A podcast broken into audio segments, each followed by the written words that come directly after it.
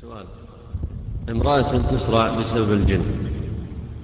وأخبرها وأنت ممن يؤثر على نفسه. يا شيخ سابق لما كنت من القصيم الآن جاي من الكويت طيب خير. امرأة تسرع بسبب الجن. وأخبرها بعض المشايخ الذين قرأوا عليها أن هذا الجان عاشق وسيذهب بإذن الله بعد الزواج. فخطبها رجل وأخفى عليه أهلها مرضها. ليس غشا إنما استنادا على كلام ذلك الشيخ ولكن تفاجئوا باستمرار الصرع. معه فطلقها زوجها بسبب صرعها. السؤال هل يرجع المهر إلى الزوج أم لا؟ وإن كان يعاد هل يعاد كله أم نصفه آه، هم لا شك أنهم غشوا الرجل وخدعوه. ويرجع بالمهر على من غره.